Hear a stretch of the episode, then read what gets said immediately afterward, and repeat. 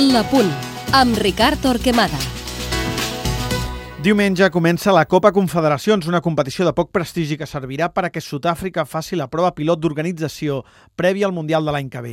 Tots els campions continentals, més el campió del món i l'anfitrió perseguiran un títol menor que tancarà la temporada 2008-2009.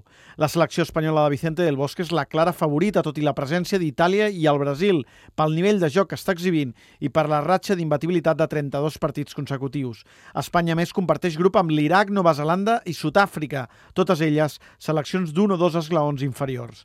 En canvi, l'altre grup repartirà dues places a les semifinals entre la nova Itàlia de Lippi, el Brasil de Dunga, poc generós amb la idea futbolística però envaït de la qualitat individual de Kaká, Rubinho, Elano o Luis Fabiano per explotar en espais oberts, un Egipte que es vol fer gran contra les grans i els Estats Units que continua creixent tècnicament per afegir valors a una imponent condició física. Diumenge a dos quarts de nou, la campiona d'Europa, Espanya, afrontarà el primer tràmit previ a la semifinal contra la voluntariosa i simplement il·lusionada Nova Zelanda.